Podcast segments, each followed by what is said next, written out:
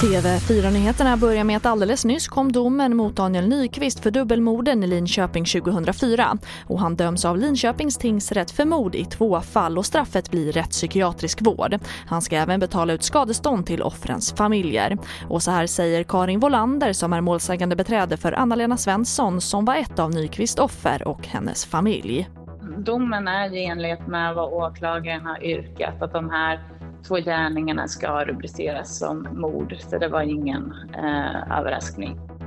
Och mer om det här kan du se på TV4 Play. Och klädjätten H&M får betala 350 miljoner kronor i böter för att man kartlagt anställda i ett register med privata och känsliga uppgifter som familjerelation och hälsotillstånd för att kunna utvärdera sina anställda. Och enligt en tysk datainspektion bryter detta mot lagen. Och mer om det här kan du se på TV4 Play där Kalla faktas chef Jonas Alsgren är med och kommenterar. Och under natten har förhandlingarna om arbetsrätten kraschat. De har bland annat handlat om LAS, lagen om anställningsskydd. Men facken och arbetsgivarna har inte kunnat enas och det här innebär att bollen nu hamnar på regeringens bord vilket kan utlösa en politisk kris. TV4-nyheterna, jag heter Charlotte Hemgren.